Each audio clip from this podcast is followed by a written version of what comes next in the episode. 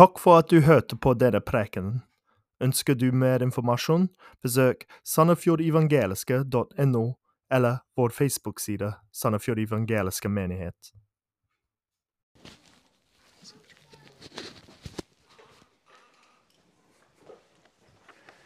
God dag, alle sammen.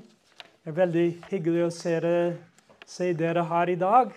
Vi har en uh, god gjeng i dag, så det er fantastisk. Vi er uh, velsignet med mange barnefamilier her i Sandefjord evangeliske menighet. Ja, vi er godt kjent med uh, å ha spedbarn i familien. Personlig sett opplever jeg nå denne velsignelsen som bestefar. Og det er fantastisk. Med stor begeistring følger vi med barnets utvikling og vekst.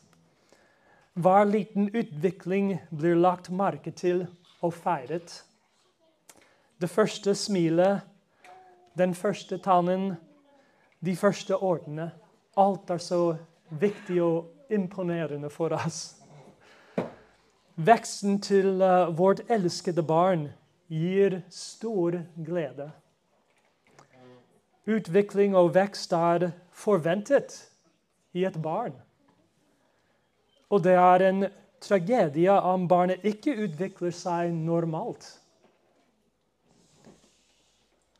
Åndelig utvikling og vekst kan sammenlignes eh, med det. Vi er ført på ny ved Guds kraft gjennom tro på evangeliet. Og evangeliet er at Jesus døde for våre synder. Han døde for oss i vårt sted.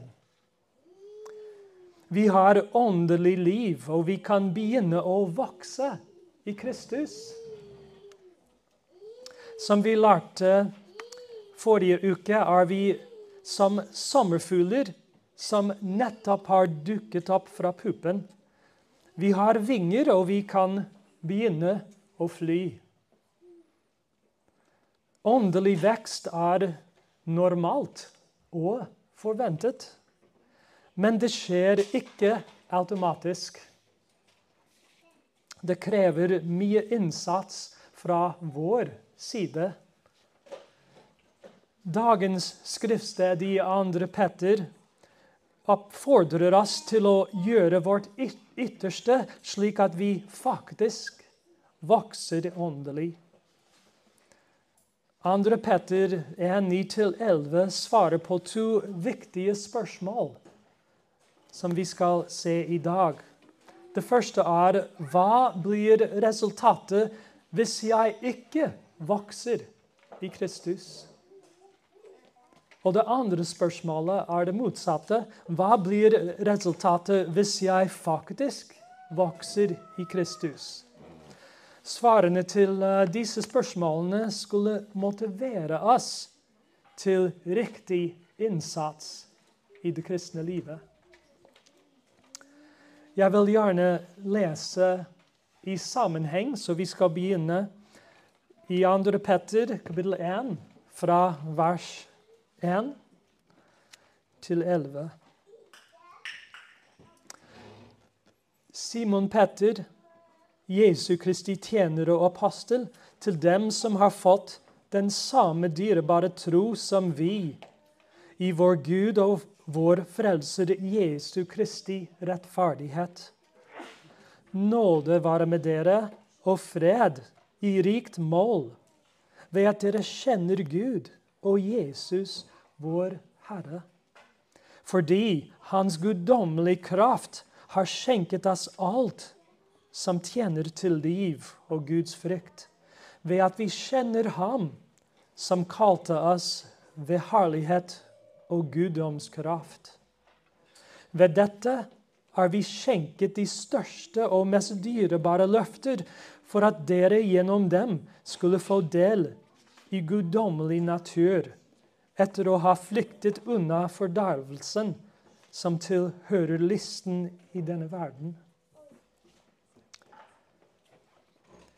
Nettopp derfor skal dere altså med, alt, med all iver la deres tro vise seg i god karakter. og den gode karakter i kunnskap. Kunnskapen i avhold og avholdenheten i utholdenhet. Og utholdenheten i Guds frykt. Og gudsfrykten i broderomsorg. Og broderomsorgen i kjærlighet. For om alt dette er rikelig og overstrømmende hos dere, skal dere verken være uvirksomme eller uten frukt, dere som kjenner vår Herre Jesus Kristus. For den som mangler disse ting, er så nærsynt at han er blind, og har glemt at han har blitt renset fra sine tidligere synder. Derfor, søsken, skal dere være enda mer ivrige etter å gjøre deres kall og utvelgelse fast. For hvis dere gjør alt dette, skal dere aldri noensinne snuble. For slik skal det bli gitt dere inngang til vår Herre og Frelser Jesu Kristi evige rike. Før vi går videre, la oss be om Guds nåde og forstå Hans ord i dag. Kjære gode Far. Vi takker deg at du har frelst oss ved din nåde. At det er ingenting i oss som fortjener liv og vekst. Men vi takker deg, Gud, at i din nåde har du frelst oss på grunn av Jesu gjerning for oss på korset. Vi takker deg, Gud, at vi har mulighet nå til å leve som kristne på grunn av din nåde i våre liv. Den nåde og, og kraft som er virksom i oss. Kjære Far, jeg ber i dag at du skal gi oss god forstand av det som du har gitt oss i 2. Petters brev. Hjelp oss, Gud, å forstå ordet i dag og anvende det til din ære. Vi ber i Jesu navn. Amen.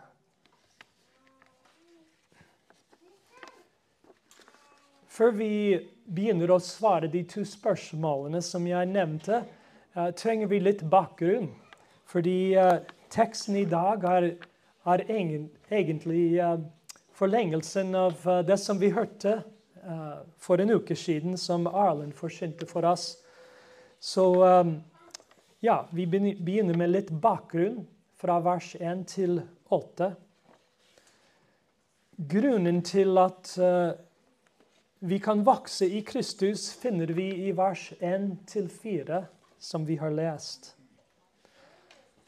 Og jeg vil bare minne dere at uh, oversikten over andre Petter uh, kommer fra Jesu lignelse om hveten og ugresset. Andre Petter, kapittel 1, handler om, uh, handler om veten. det vil si ekte kristne som vokser til modenhet. Det er det som vi studerer nå i kapittel 1. 2. Petter 2 handler om ugresset. Det vil si falske lærere som går til fortapelse. Og 2. Petter kapittel 3 handler om høsten. Og det er dommens dag, da Jesus skal dømme de ugudelige og samle de troende til seg selv. Så vi fortsetter i dag med 2. Petter kapittel 1, som handler om hveten. Sanne kristne og deres vekst i Kristus. Og Grunnen til at vi som kristne kan vokse, fins i vers 1-4. Vi har et personlig forhold til Gud. Det er gitt oss å kjenne Gud og tro på Hans Sønn, Jesus Kristus. Det er en, en gave fra Gud å kunne tro på Jesus Kristus. Det står i vers 3 at Gud har skjenket oss alt som tjener til liv og Guds frykt.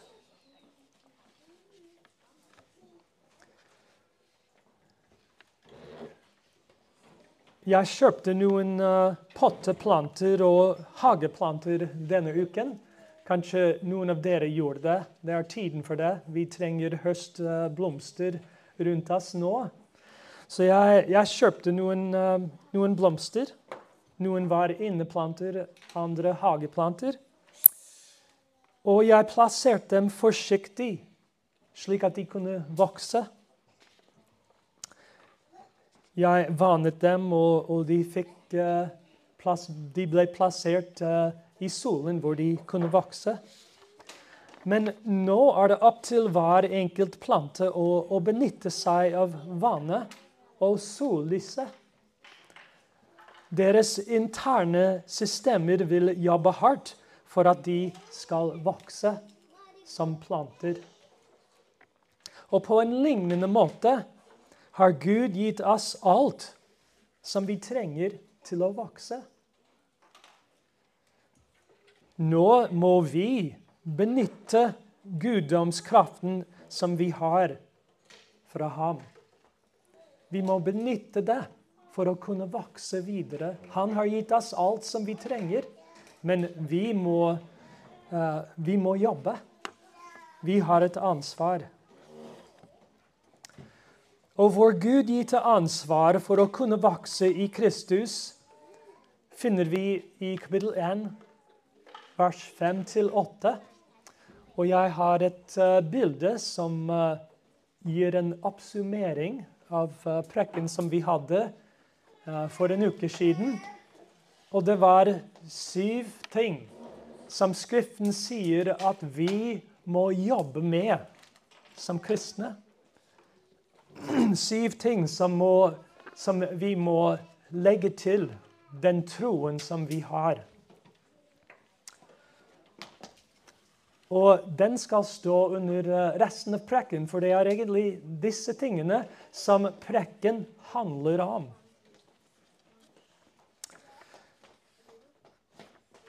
Det står i Guds ord at vi skal la våre tro vise seg i for det første god karakter eller rett liv. Og det er å leve på en måte som er moralsk god.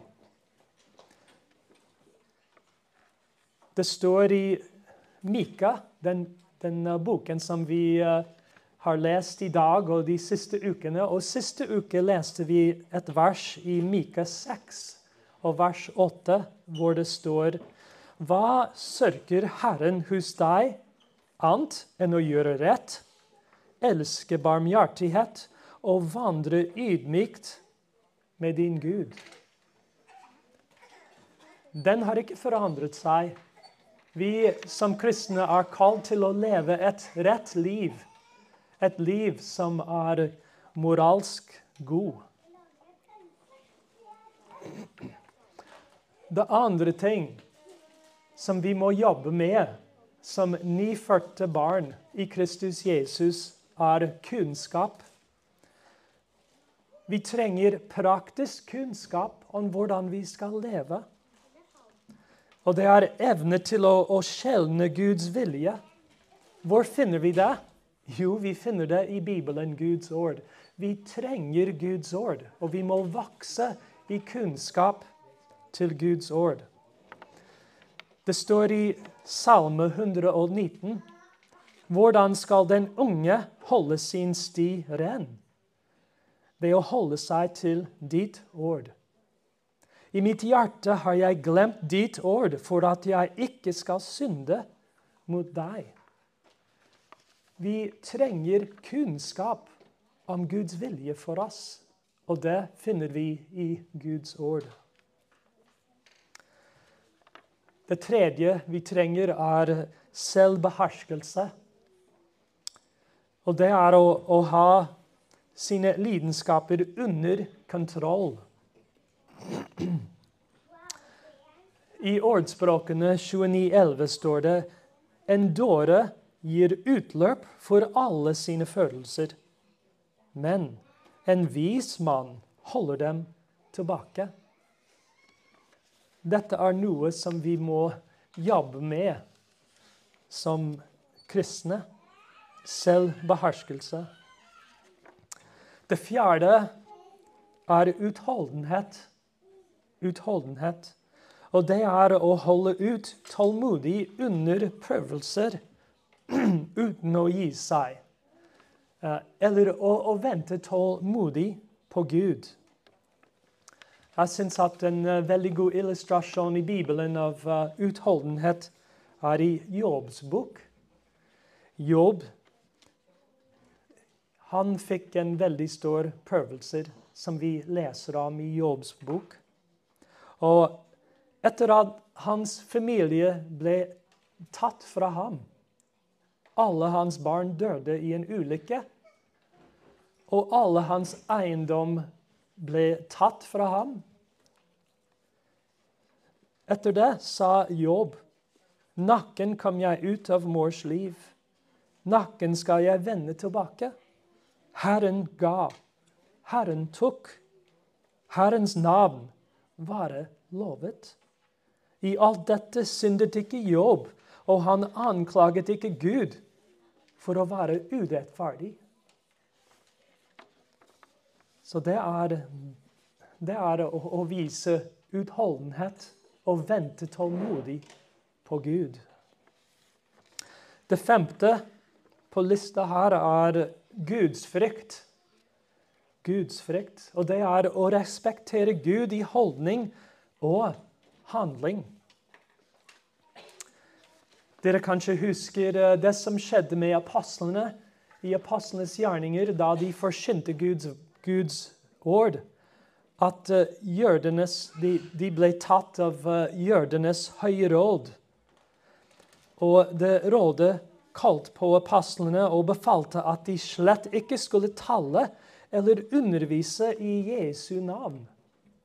Men Petter og Johannes svarte dem, om det er rett overfor Gud å lyde dere mer enn Gud, kan dere selv dømme om. For vi kan ikke annet enn å tale om det som vi har sett og hørt. De hadde mer gudsfrykt enn menneskefrykt. Og det er noe som vi som kristne trenger å utvikle i våre liv.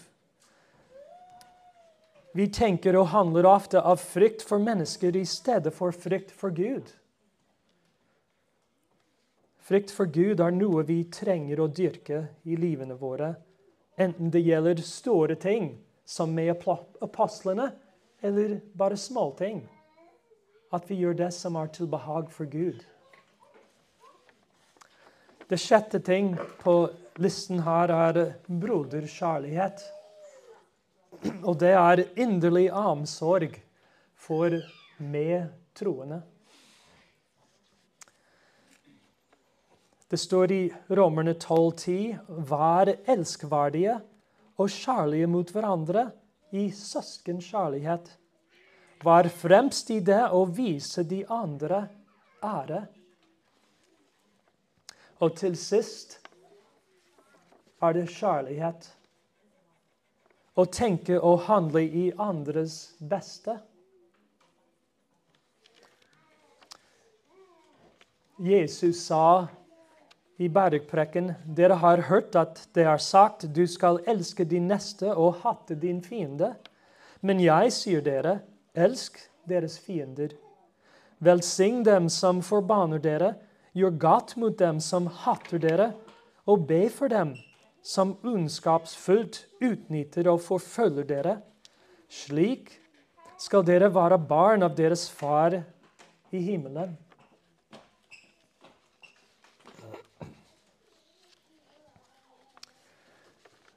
Hvordan tar vi ansvar på disse syv områdene i våre liv?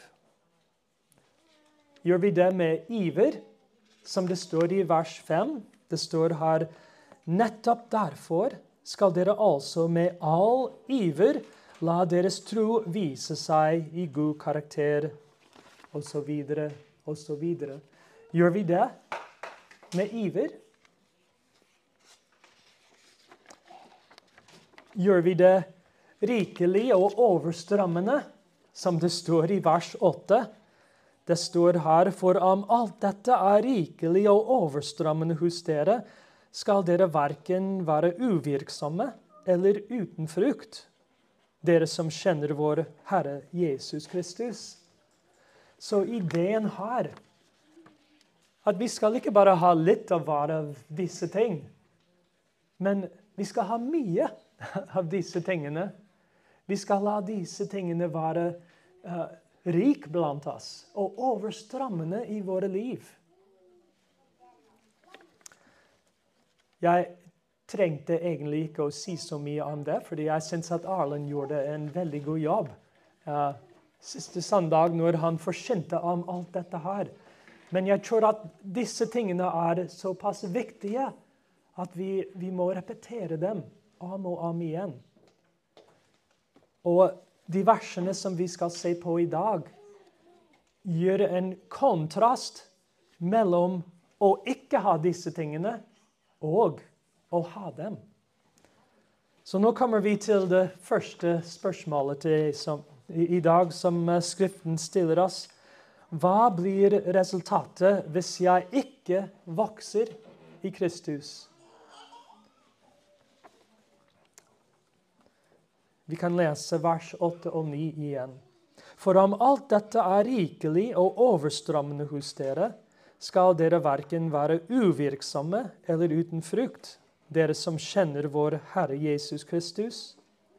For den som mangler disse ting, er så nærsynt at han er blind, og har glemt at han har blitt renset fra sine tidligere synder.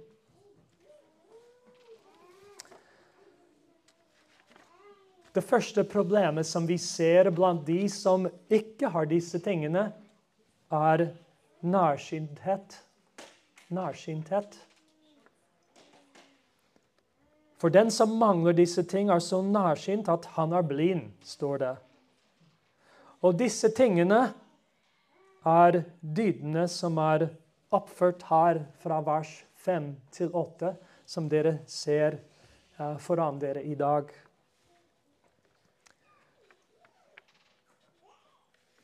Når vi leser om uh, nærsynthet, forstår vi at ordet brukes billedlig her av en åndelig tilstand. En åndelig tilstand. En kristen som ikke vokser i de nevnte områdene, er nærsynt åndelig sett. Han ser ikke de tingene som tilhører Guds rike det som har evig verdi. Han er verdslig og, og ser bare det som tilhører dette livet. Og tilstanden er så dårlig at han er blind for, all, for, for alle praktiske formål.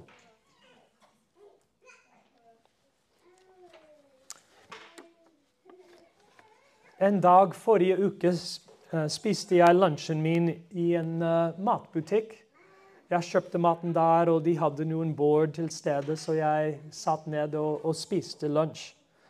Og mens jeg satt der, uh, kom en blind mann inn i butikken, ledet av en ung kvinne. Han satt ved et bord i, i nærheten av meg. Og um, den unge kvinnen uh, gikk inn i butikken og handlet mat. Og Hun kom tilbake en liten stund senere og, og førte den blinde ut av butikken. Han var åpenbart avhengig av andre for å lede ham. Den som ikke vokser i Kristus, er i en lignende tilstand åndelig sett. Livet hans er ikke et forbilde for andre å følge.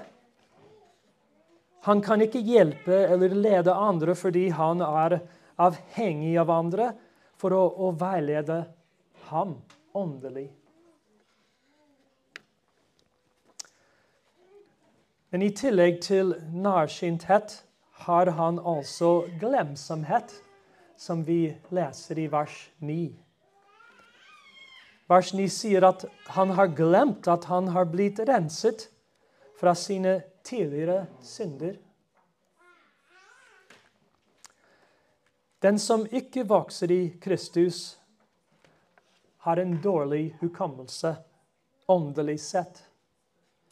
Han husker ikke sin renselse fra synd, at hans forrige livsstil er forbi. Skriften sier at om noen er i Kristus, er han en ny skapning. Det gamle er forbi. Se, alt er blitt nytt. Det er 2. Korinter 5, 17. Men den som ikke vokser i Kristus, fortsetter å synde som om han ikke ble frelst.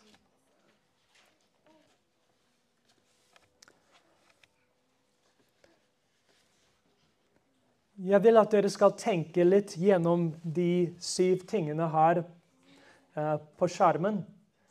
Uh, hva vil det si om, om vi ikke har, ikke har de? F.eks.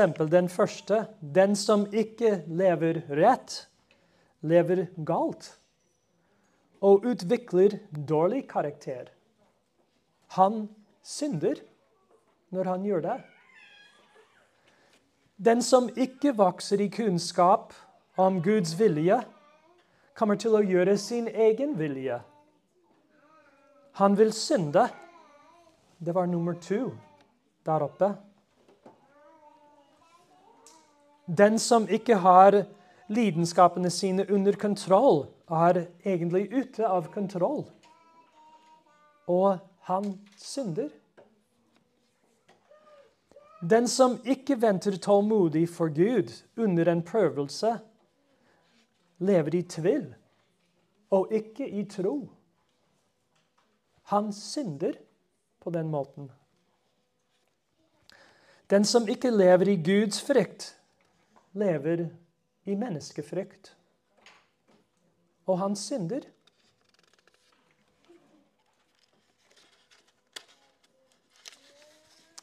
Den som ikke elsker sin bror, bryter det store budet som er gitt av Jesus, og han synder.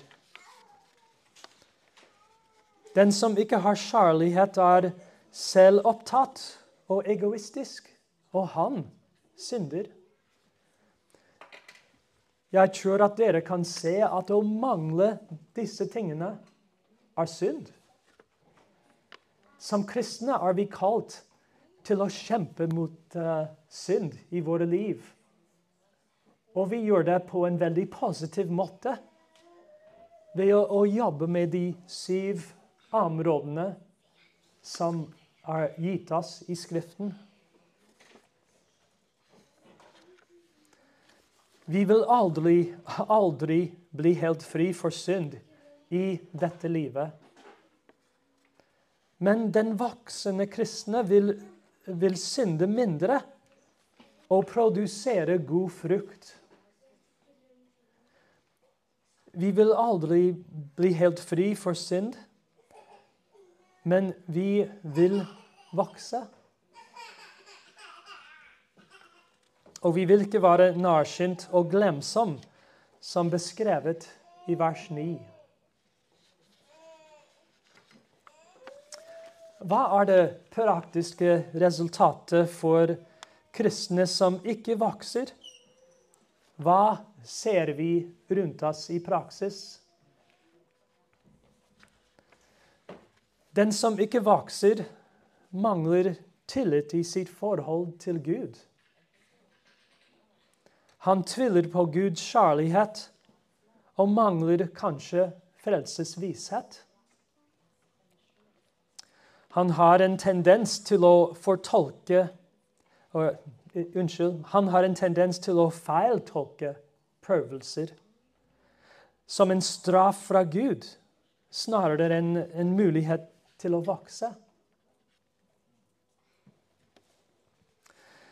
Den kristne som ikke vokser, altså tar dårlige avgjørelser. Han mangler kunnskap om Guds vilje og følger sine egne syndige tilbøyeligheter istedenfor. Hans avgjørelser er ofte basert på frykt for mennesker. Hans avgjørelser har en tendens til å, å være egoistiske snarere enn kjærlige. Å bestemme seg basert på hva som er best for meg, istedenfor hva som er best for andre, og hva som skal ære Gud. Den som ikke vokser i Kristus, altså prioriterer feil. Han har ikke en forståelse av Guds prioriteringer. Han tilbringer ikke mye tid med Gud personlig i skriftlesning og bønn. Familieliv er preget mer av verdslige ting enn åndelige ting. Personlige interesser prioriteres, og de troendes fellesskap er forsømt.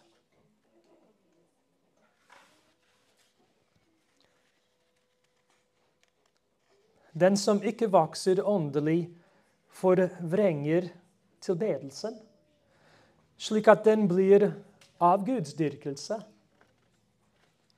Bønn blir et middel til å få det jeg vil, ikke det Gud vil. Kirken er til for å tjene meg, ikke for at jeg skal tjene med mine gaver i Jesu legeme. For å oppsummere den som ikke vokser i Kristus, er verdslig, rett og slett. Livet hans ser ikke annerledes ut enn ikke-kristne. Guds vilje for ham er å være salt og lys i verden, men han oppfyller ikke den hensikten. Jeg håper at du er motivert til å, å vokse i Kristus slik at du unngår resultatet som er beskrevet her i vers 9. For det er seriøst. Og hva blir resultatet hvis jeg vokser i Kristus? Det leser vi i vers 10 og 11. Derfor, søsken, skal dere være enda mer ivrige etter å gjøre deres kall og utvelgelse fast. For hvis dere gjør alt dette, skal dere aldri noensinne snuble. For slik skal det bli gitt dere inngang til vår Herre og Frelser Jesu Kristi evige rike. Nå hører vi om uh, veldig positive ting som skjer når vi faktisk vokser i Kristus. Det første er at uh, når jeg vokser i Kristus jeg, jeg skal gjøre mitt kall og utvelgelse fast. Det kan uh, lett misforstås tror jeg. Og hva betyr det å, å gjøre uh, vårt kall og utvelgelse fast? Jeg må si først at uh, Guds kall og utvelgelse av meg er uforanderlig. Hans kall og utvelgelse av deg er uforanderlig. Hvis dere kan slå opp med meg i Romerne kapittel 8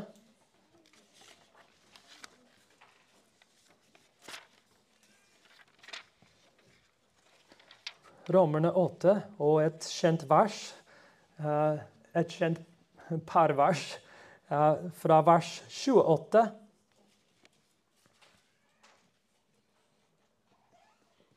Vi vet at alle ting virker sammen til det gode for dem som elsker Gud, for dem som er kalt etter hans rådslutning, for dem som han kjente på forhånd har han altså forutbestemt til å bli likedannet med sin sønns bilde, for at han skulle være den førstefødte blant mange søsken.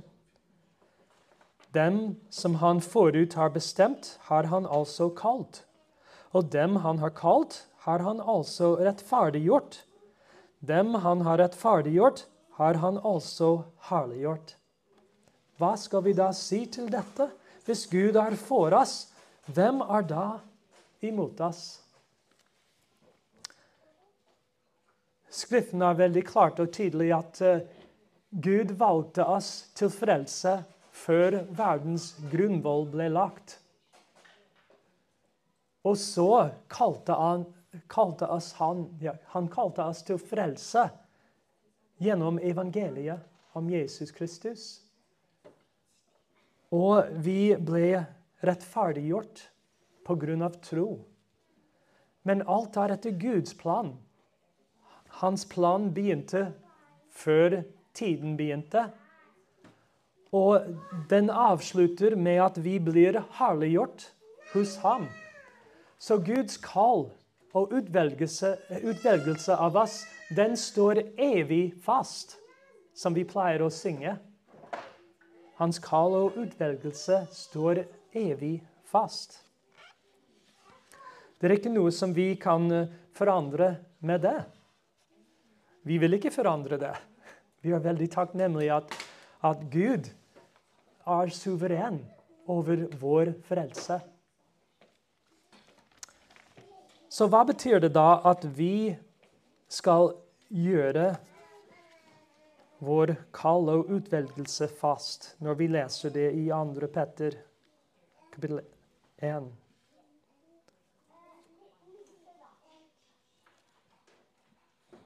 Når jeg vokser åndelig, gjør jeg mitt kall og utvelgelse fra mitt perspektiv. Forstår dere forskjellen? Fra Guds perspektiv er det fast allerede. Men fra mitt perspektiv er det kanskje ikke så forståelig at, er, at mitt kall og utvelgelse står fast. Hvis jeg ikke vokser i Kristus, som vi har sagt, da kan jeg tvile på om, om Gud har faktisk frelst meg. Hvis jeg ikke ser vekst i mitt eget liv, da kan jeg være i tvil om jeg er frelst eller, eller ikke. Men når jeg i lydighet begynner å jobbe med de tingene som står her, da forstår jeg at ja, jeg er frelst. Guds kraft er virksom i mitt liv. Han virker i meg. Jeg er Guds barn. Så det er fra, uh, fra min side at jeg forstår at uh, mitt utvelgelse og kall står evig fast.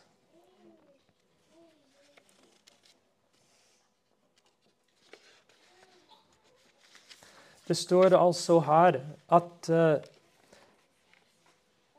den som uh, har disse tingene her, vil aldri snuble. Igjen vil jeg si at det betyr ikke at vi ikke skal synde.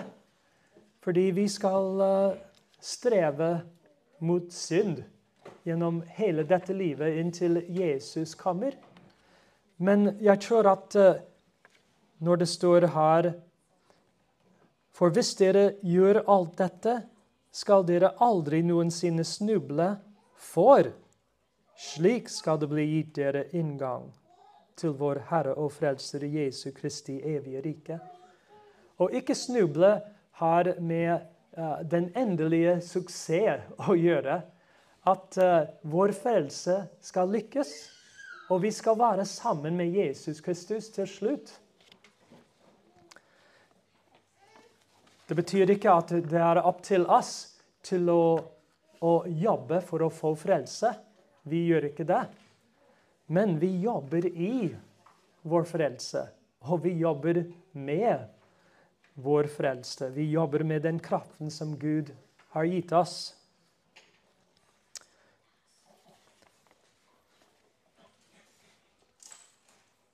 Og jeg liker ordene i vers 11. For slik skal det bli gitt dere inngang til vår Herre og Frelser Jesu Kristi evige rike. Det er ikke bare inngang, men det er en varm og gledelig velkomst som det er snakka om her. Det er noe på uh, gresk som er litt vanskelig å oversette på enten engelsk eller norsk. Det er en uh, parallell mellom uh, hva vi gjør her, at vi har disse tingene rikelig og overstrammende i våre liv, og den, den gledelige velkomst som vi skal få i himmelen fra Gud. Vi vet at vi, ja, vi er Guds tjenere. Og for oss er det viktig å være trufast. Og Jesus fortalte mange lignelser som, uh, som gjelder uh, dette livet, og, og, hvordan vi skal fortsette trofast i troen inntil Jesus kommer. Og når vi gjør det, ifølge lignelsen vil uh, mesteren si, 'Bra gjort, du god og trofast tjener'. Kom inn til min hvile. Så vi har Vi har den velkomst fra Jesus Kristus i vente. Og hvordan skal det bli for oss når vi kommer inn i Jesu nærvær vil han si til oss, 'Bra gjort, god og trofast tjener'? Eller vil vi føle oss eh, litt skammelige pga. Av, av uh, hva vi ikke gjorde? At han ga oss kraft til å gjøre i dette livet, og vi ikke gjorde det? Hvordan blir den velkomst som vi skal få av Jesus Kristus?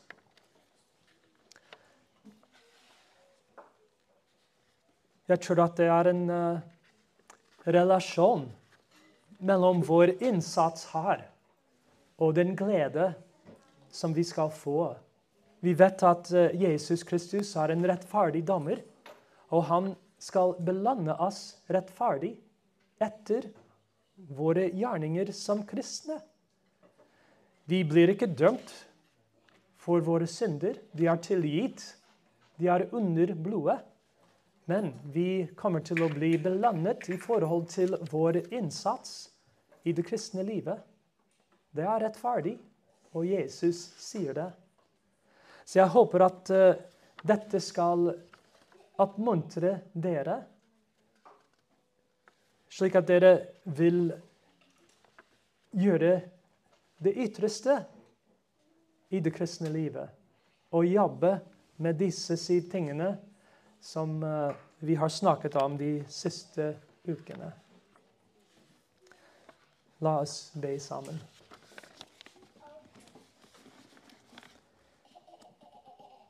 Kjære Gud, himmelske Far, vi takker deg at du har frelst oss ved din nåde. Vi takker deg, Gud, at uh, alt har blitt nytt i våre liv. Hjelp oss, Gud, å leve for deg på en måte som ærer deg, og som er hjelpsom for andre. Hjelp oss, Gud, å skinne som lys i verden, slik at andre kan se din herlighet og tro på evangeliet og bli frelst. Hjelp oss, Gud, å, å oppmuntre hverandre i troen og bruke våre gaver i menigheten til din ære. Vi ber alt dette i Jesu navn. Amen.